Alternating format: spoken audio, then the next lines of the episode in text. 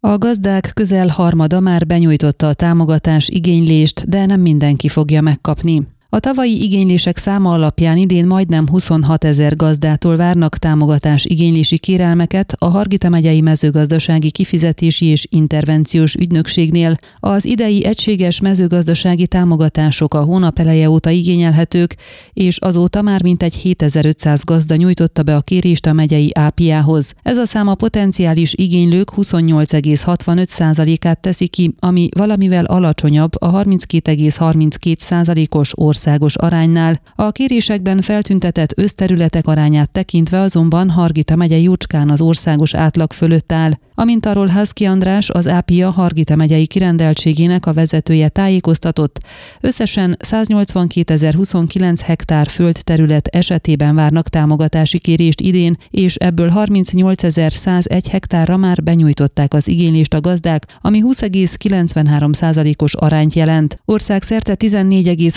14,34%-os ez az arány, a megyék között Hargita megye a hetedik helyen áll a 20,93%-os hányaddal, közölte az ügynök ügynökség vezetője, megjegyezte, az ütemtervnek megfelelően halad a támogatás igénylési folyamat, naponta átlagban 550-650 ilyen jellegű kérelmet iktatnak. Az egységes mezőgazdasági támogatások igénylési időszaka május 15-én jár le. Sok terület tulajdonos számára azonban már lényegében befejeződött az idei támogatás igénylési és elszámolási időszak is. Ők ugyanis felégették földjeiket, vagyis tűzzel kaszáltak, ahogy az ágazatban nevezik a tarlóégetéseket, ezért megvonják tőlük a mezőgazdasági támogatásokat. Egy héttel ezelőtt már száz fölött volt azoknak a gazdáknak a száma, akik a területeik felégetése miatt elveszítik a mezőgazdasági támogatásokat. Azóta ez a szám több mint a kétszeresére nőtt. Amint arról kérdésünkre Haszki András beszámolt, már legalább 250 felégetett földterület tulajdonosát azonosították be. Rengeteg bejelentést kapnak naponta, pénteken is legalább 30 ilyen jelzést kaptak, mondta el az ápia vezetője. Az ügynökség együttműködik ilyen esetekben a megyei katasztrófa védelmi felügyelőséggel, illetve a környezetőrséggel, és a megállapodás értelmében az ápia feladata beazonosítani azonosítani a felégetett területek tulajdonosait. Maros megyében idén a megyei mezőgazdasági intervenciós és kifizetési ügynökségen keresztül